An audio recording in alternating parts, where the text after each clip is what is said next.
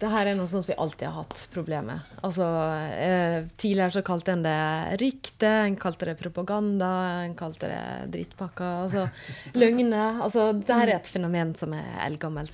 Eh, det som er det nye med det, at det er så enkelt å produsere og så enkelt å distribuere og spre eh, løgner til kjempestore grupper av eh, jorda rundt. Viten og snakkis. Podkast fra Joa. Viten og snakkis. Velkommen til en ny episode av podkasten Viten pluss snakkis. Dette her er podkasten som gir deg svar på det du lurer på, på livets vei mellom falske nyheter, alternative fakta og kanskje den store sanninga. Jeg heter Halvard Lavoll, og Anniken Jess Iversen, du er fortsatt Ja. med meg bak spakene, Ja, det er som alltid. Jeg har vært her en del i det siste, ass. Du har det, det er veldig fint å ha deg her. Har du hatt en fin påske? Ja, veldig fin. Veldig avslappende der. Hva med deg? Absolutt avslappa. Mm. Nå er det back to business og eh, brutale saker på tapetet i dag.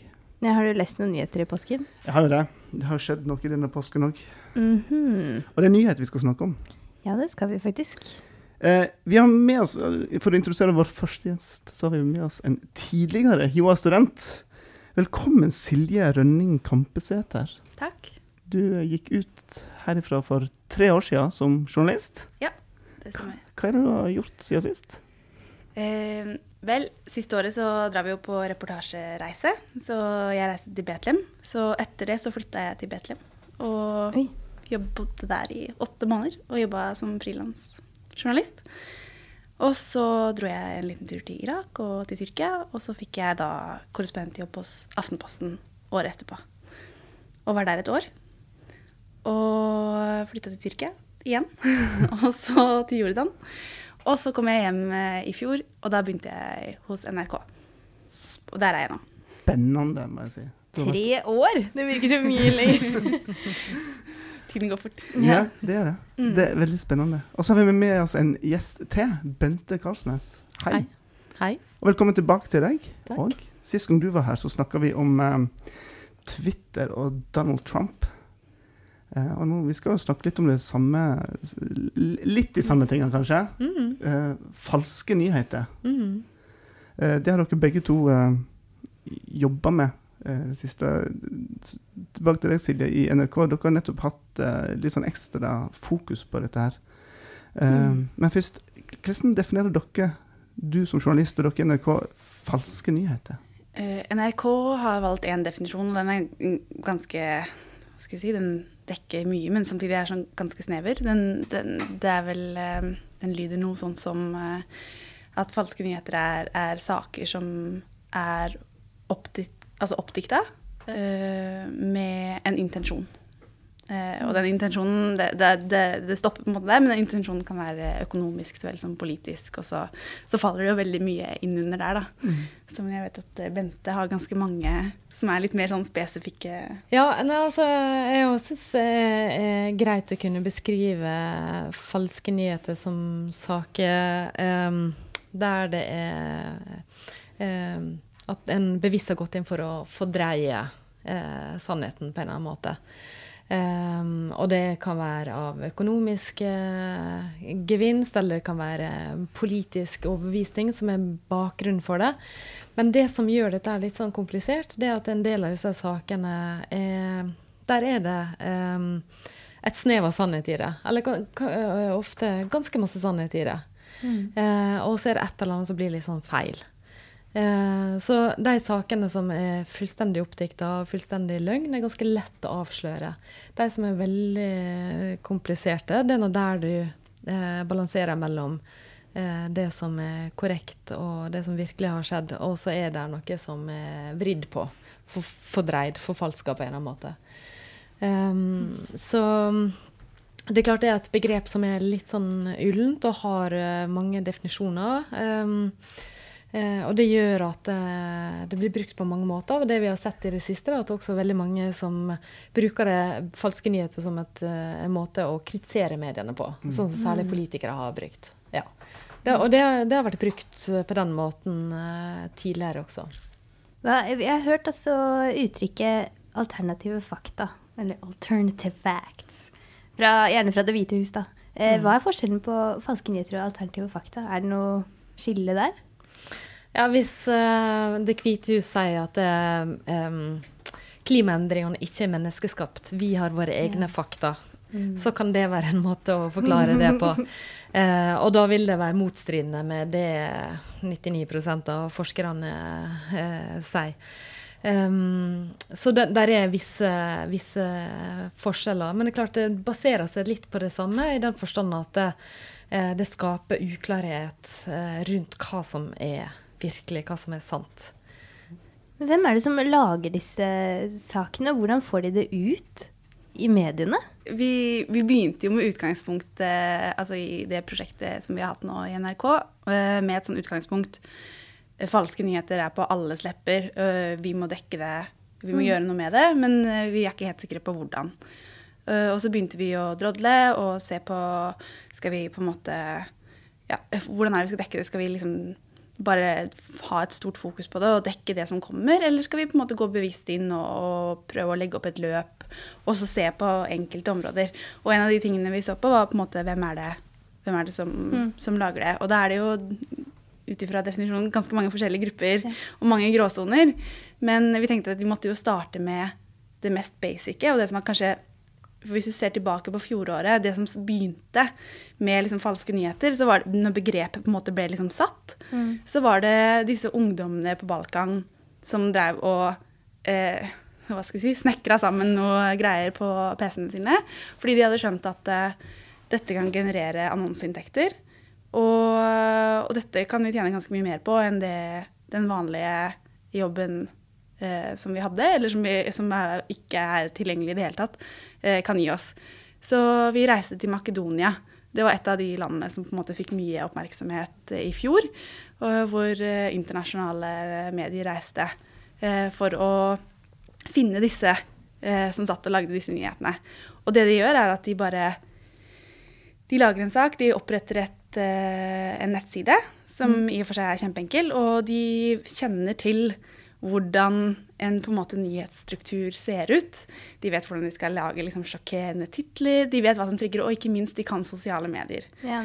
Eh, og de bruker Facebook eh, hovedsakelig til å spre disse nyhetene i gåseøynene eh, til enorme følgegrupper. Og vi har liksom sett på noen av de sidene sammenligna med f.eks. NRK sin nyhetsside på Facebook, eh, og ser at det, liksom, det er millioner av eh, følgere.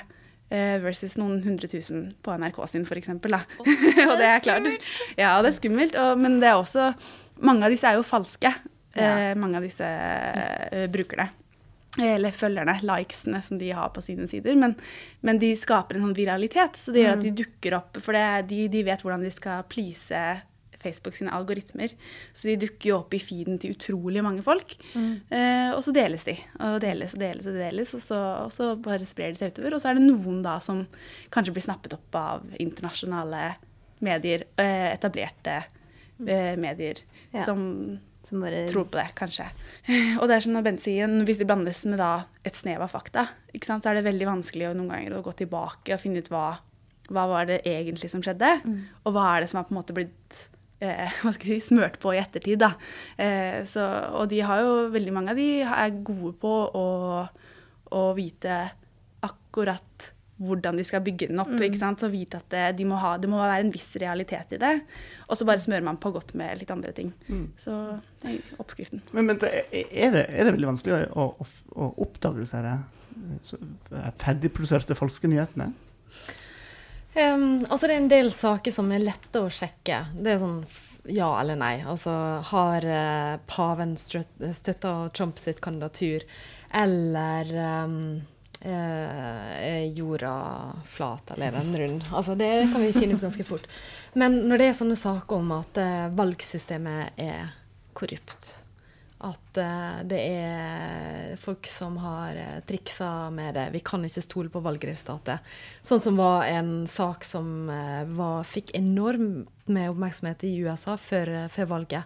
Det skaper forvirring og kaos og usikkerhet. Eh, og det er veldig vanskelig å få eh, kvittert den ut. Det er vanskelig å få, få, få liksom stadfesta Nei, dette er, er Det er bare tøys. Dette her er bare konspirasjonsteori. Så det vil være en del sånne saker som blir bare hengende igjen. Og et annet eksempel som vi så, eh, da, altså den eh, saka som eh, Trump eh, fikk enorm oppmerksomhet eh, i allerede i 2011 eh, om eh, Obama eh, og at han var født Ja, utenfor USA. Ja, um, det var sånn konspirasjonsteori som har eh, Ja, det har eh, versert veldig lenge. Eh, først i 2016 så gikk han Trump inn sjøl og sa at eh, nei, dette her eh, det stemmer nok. Obama er nok eh, født her. Ja. Men det, det var en sak som har versert i offentligheten veldig veldig lenge, og den verserer ennå. Og jeg syns Aftenposten om jeg kan bare skyte inn, gjorde, gjorde en god jobb med for eksempel, For det var en nyhet fra nyttårsaften eh, ja, Det ble da 2016 20, til i år, 2017, eh, fra Tyskland. Hvor, det var denne, hvor de snakket om denne mobben med utenlandske menn som ropte Allahu akbar og satte, på, satte fyr på Tysklands eldste kirke. Um, og så har de gått Det de har gjort i ettertid, er at de har gått til originalkilden. Uh, denne ene journalisten som var på stedet, det var kun én fyr, som drev og tvitra fra hendelsene. Eh, og så har de nøsta opp i alt det som skjedde. Eh, fordi der så var det jo Det var utrolig mange folk samlet på ett sted. Eh, og det, ja, det var Tysklands nest eldste kirke, riktignok. Eh, eh, et stillas utenfor hvor en raketter satte fyr på dette tøystykket som hang utenfor. Eh, det ble slukket fort. Eh, og det var ikke noen som satte fyr på det, og det var ikke noe islamsk mobb som ropte 'Allah akbar og hadde noe agenda i den, i den formen. Og denne journalisten ble på en måte sentrum for, eh, for hele den historien. En lokal journalist. Eh, og Breitbart fanget opp nyheten eh, og, og la til en del sånne elementer. Eh, og så har de gått til Breitbart, de har gått til han journalisten og, og på en måte konfrontert alle leddene da med, med alt det som skjedde i ettertid. Eh, og så ser du på en måte da altså, hvordan en falsk nyhet ble til. En annen type falsk nyhet, ikke den fra Makedonia, men en type sånn politisk agenda, falsk nyhet, sånn, du, hvor du vrir til fakta for å passe ditt verdensbilde, f.eks. Men men det eksempelet er ganske godt, for det viser også hvor eh, ressurskrevende det kan være da, det å skulle gå inn og bevise og bekrefte eller avkrefte. Eh, altså Hvis offentligheten blir full av den type eh, nyhetssaker som vi egentlig ikke vet helt hva som er realiteten, det å skulle følge opp alle disse sakene, det, det krever en del ressurser. Og, ja. Ja, for det tenkte jeg også på. Hvordan skal man eh, Nyheter kommer så veldig fort ut. Det blir jo pumpet ut fordi folk liksom forventer at ting oppdateres hele tiden, og gjerne i Facebook-feeden og sånne ting. Hvordan kan man da forhindre nettopp dette, at sånne nyheter sprer seg, hvis alt skal gå så fort samtidig også? Ja, for Da blir det veldig viktig at en går inn og får avkrefta det så fort som mulig. Altså Hvis det viser at dette her, er- det er ikke riktig. Eh, for ellers så sprer det seg. Eh, og det viser seg også via forskning at eh, den eh, eh, korreksjon er det, er mange færre som, det er færre som får med seg korreksjon enn den opprinnelige saka. Så det å kunne få stoppe den spredninga og få ut den korrekte hi- historia så raskt som mulig, blir viktig da. Sånn at det, ikke skal, det bildet ikke skal eh, feste seg. Ja, og Et godt eksempel på det er den, det var jo en sak eh, som også ble snappet opp i norske medier, om russisk gameshow hvor det var lov å voldta og drepe og det ene og det andre. Rene Hunger Games eh, i real life. Eh, som, som eh, nyhetsbyrået NTB eh, tok opp eh, og publiserte, og som flere norske medier publiserte. VG rettet opp og sa at vi har publisert dette, det er, viser seg å være falsk. Snakket med en venninne noen uker seinere og skulle bare egentlig forklare at ja, til og det skjer jo i Norge òg, og så skal jeg dra opp det som et eksempel. Og hun hadde ikke fått med seg korrigeringen. Og hun bare å nei, herre min, jeg har gått og fortalt det til alle mine venner. Og liksom herregud, Hunger Games på ekte. Så, så den, den, den på en måte den, faller, den fiser litt ut i intet, da, den der korrigeringa. Så Det blir jo en helt ny måte for journalister å jobbe på også, da, eller mediehus. At de må kanskje gjerne ha Sånn som VG og NRK, de har jo satt sammen den gruppen og det er faktisk.no, som vi sikkert kan snakke mye om. Eh, hvor man da må liksom sitte en, en egen redaksjon som sitter og liksom faktasjekker alle nyheter som blir pumpet ut. At det blir liksom Ja, det er jo et marked for det i disse dager. Jeg ser jo det i mange naboland og uh, Sverige som har hatt liksom viralgranskerne uh, i flere år siden Når var det de begynte? 2014, tror jeg de begynte. Oi, Og det er visst en av de sidene det er Metro, da, den gratisavisa som Mm. driver det.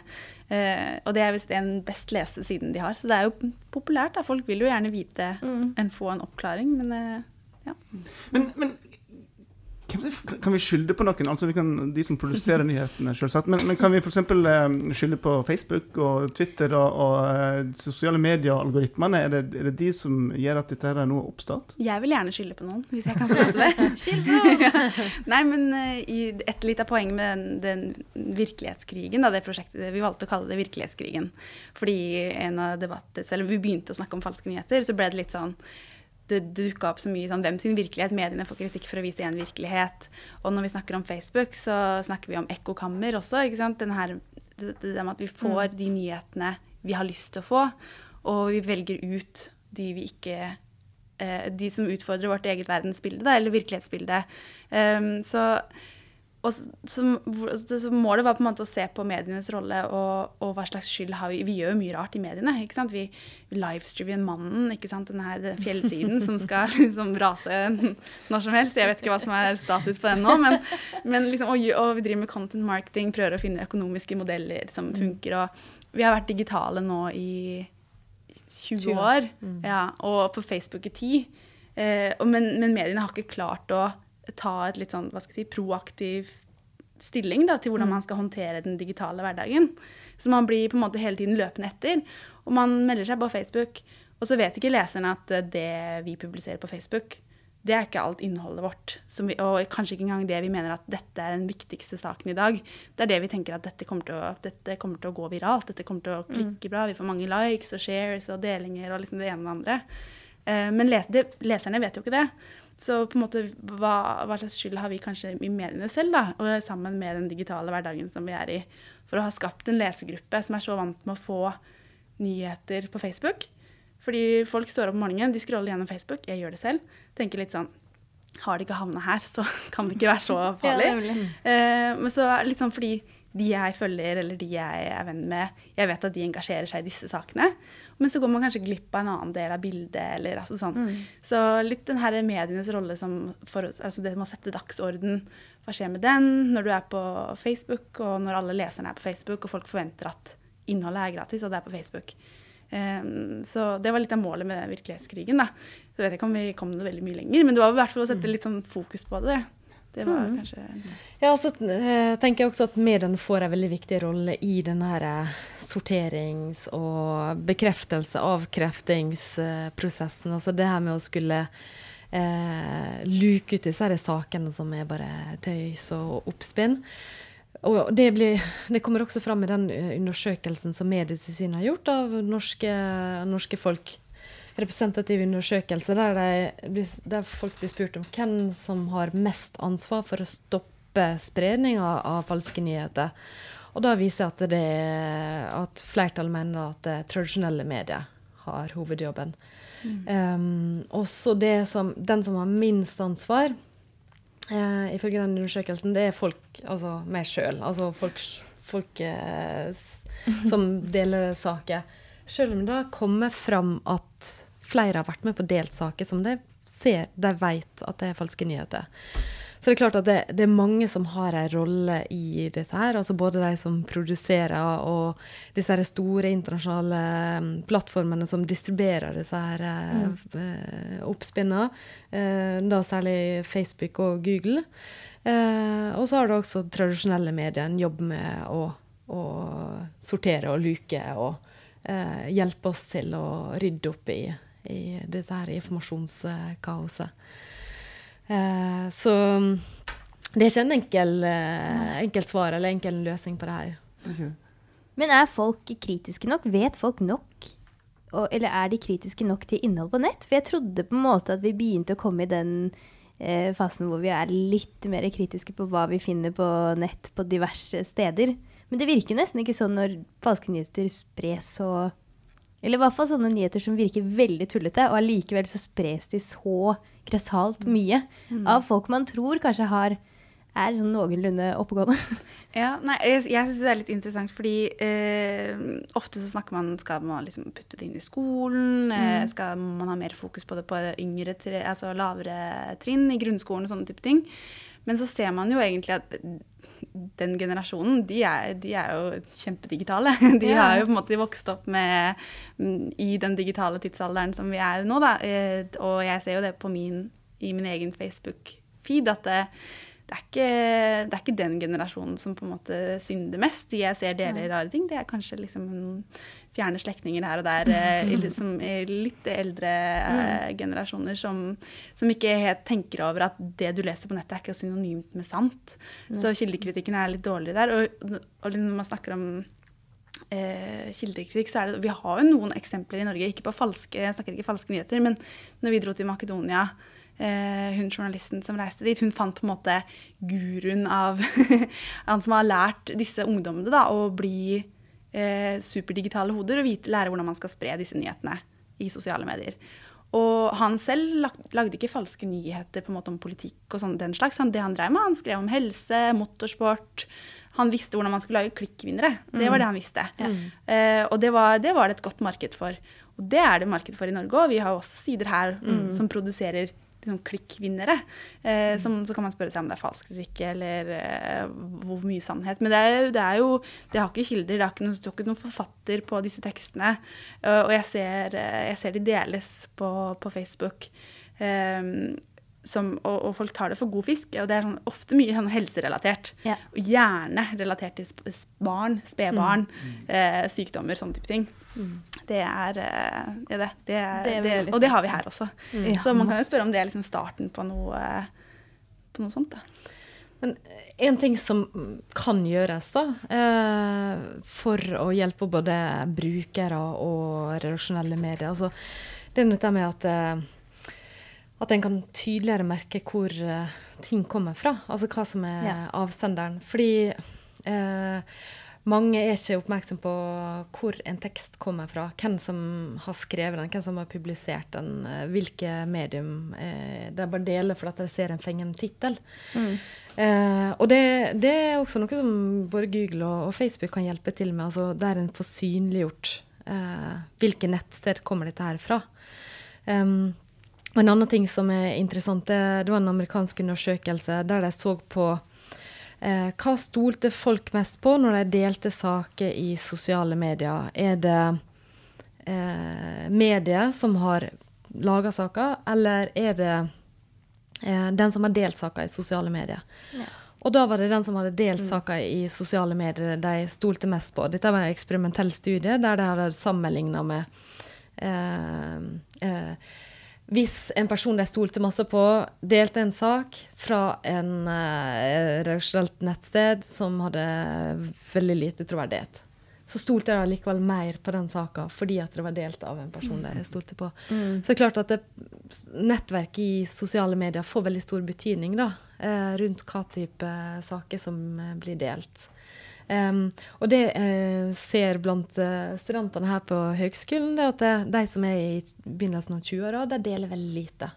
Mm. For dem så er det, det er ikke en naturlig måte å være aktiv i eh, sosiale medier på. Altså det å dele nyhetssaker, det, det er ikke spesielt eh, framtredende bruk hos dem.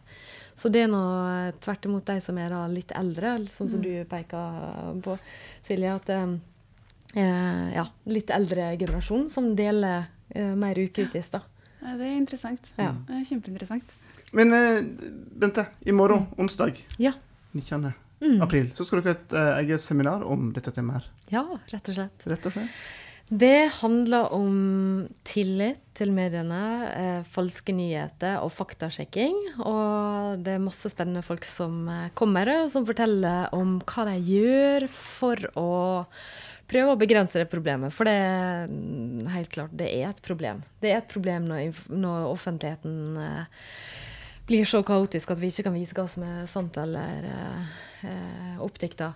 Så um, da har vi et eh, seminar som går fra klokka ett til eh, halv fem, og det er ja. Det er en amerikansk medieforsker som kommer, VG kommer, folk fra Faktisk kommer, NTB skal fortelle om hvordan de driver med faktasjekking. Um, vi har eh, forskere som kommer, Petter Bae Brandtzæg. Um, uh, ja, så det er masse spennende. Veldig spennende. Mm. Men, men nå er jo dette veldig i vinden for tiden. Altså, dette temaet her. Altså, nå har NRK hatt sitt, uh, har jobba med dette her, og det, dette er jo ikke det eneste seminaret om, om temaet. Hva tror dere om tre, fire, fem år? Er, er vi forbi? Ferdig med falske nyheter? Alt er trygt? og Nei. nei, nei. nei og, det, og dette her har noe det her er noe sånt som vi alltid har hatt problemer med. Altså, eh, tidligere så kalte en det rykte, en kalte det propaganda, en kalte det drittpakker. Altså løgner. Altså, det her er et fenomen som er eldgammelt. Eh, det som er det nye med det, at det, det er så enkelt å produsere og så enkelt å distribuere og spre eh, løgner til kjempestore grupper av eh, jorda rundt. Så eh, jeg tror nok at vi har fått nye måter Altså Kanskje noen nye måter å sortere det ut på. Vi har klart å håndtere spam eksempel, på bedre måte enn hva vi gjorde eh, tidligere. Det var nå i ferd med å ødelegge e-post som verktøy. Så det kan være at vi kan få bedre måter å sortere ut de mest opplagte falske nyhetene. Men det å skulle prøve å påvirke via fordreining av informasjon, eh, gjerne i politisk sammenheng, det kommer vi nok til å fortsette å se for alltid. Hva tenker du Silje om den, din framtidige journalistiske karriere? Ja, nei, jeg, tenk, jeg ser egentlig ikke på den som som, veldig annerledes. Jeg tenker at det kommer til å skje mye digitalt. At det kommer til å skje mange sånn digitale endringer. Eller jeg, i jeg håper det, da. Det er det som er At, at mediene tar en litt mer sånn aktiv rolle om sin egen digitale hverdag. Eh, Og, og så noen ganger liker jeg å tegne det i sånn scenario. Hva, hva hadde skjedd f.eks. om alle mediehus verden over meldte seg ut av Facebook? Sånn, leke med sånne ideer. Hva hadde vi gjort med brukerne? De hadde jo måttet faktisk. De hadde skjønt at de, vi, vi kan ikke gå dit, vi må gå andre steder for å få de liksom, etablerte nyhetene. Men så kommer ikke det til å skje, antageligvis. Men, men leke med sånne ting. Og jeg, som, som Bente sier, det er, jo, det er jo ikke noe nytt. Jeg tenker det er begrepet, på en måte, det der begrepet falske nyheter som virkelig er det nye, egentlig. Uh, og det, det startet med disse makedoner-gutta, eller disse Balkan-gutta. Disse som har, ikke bare der, ellers òg, men som har sittet og dikta opp eh, ting. Og så har det på en måte bare spredd seg, og så er det klart at eh, når eh, USAs president bruker det om vanlig etablerte nyhetssteder, så, er det, så gir det liksom en sånn ekstra fart på begrepet. Men én ting som jeg håper vi kommer til å se mer uh, i tida framover, det er at mediene skal bli mer bevisst rundt hvordan en kan bygge troverdighet. Hvordan en kan bygge tillit rundt journalistikken. For det, eh, tillit og troverdighet til journalistikken er det mest verdifulle eh, mediene har. Hvis de mister det, så mister en grunn, eksistensgrunnlaget sitt. Så det å kunne bli mer bevisst rundt hvordan en kan eh, øke den eh, tilliten hos brukerne eh, og jobbe mer strategisk eh, mot det. Komme nærmere på brukerne og skjønne mer om hva som er viktig for dem. Det tror jeg er veldig viktig. Og jeg skal vise noen nye tall på akkurat det. Eh, altså redaktørene sin syn på hvordan de oppfatter brukerne sin tillit eh, i morgen. Eh, så det håper jeg at vi kommer til å finne mer ut av. Hvordan en kan jobbe med, med å få økt tillit. eh, er jo journalistikken. Ikke det nå? Da må jeg si tusen takk for besøket, Silje og, og Bente. Som du, Bente, bor jo her. Men Bor her. veldig interessant å, å snakke om dette. Så bare ønsker dere lykke til. Det er en viktig jobb uh, fremover. Dere begge har fra hver sin kant. Takk. Takk. Og til deg som hørte på eh, denne episoden av Viten pluss snakkes, eh, takk skal du ha. Ja, tusen takk, og ikke vær redd for å klikke deg inn på blogg.joa.no slash viten og snakkes, for der kan du lese deg videre opp på temaet, og vi lover å ikke gi deg noen falske nyheter. Det lover vi. ja. Og så kommer vi til å oppdatere den uh, sida nå etter hvert, når eh, Bente har hostet opp nye tall. Og der kommer du til å finne lenke til eh, prosjektet Virkelighetskrigen hos NRK, og annen relevant eh, informasjon. Og husk at du kan abonnere på denne podkasten i din foretrukne podkastapplikasjon, som du sikkert har fått med deg nå. Og da får du det episodene automatisk inn på mobilen din, så det er veldig kjekt. Og så gi oss gjerne noen tilbakemeldinger i iTunes, for da kan du f.eks. tipse oss om ting vi kan snakke om, som du er interessert i. Det hadde vært superfint. Takk for oss. Viten og snakkis. snakkis. Pod -pod Podkast fra Joa. Viten og snakkis. snakkis.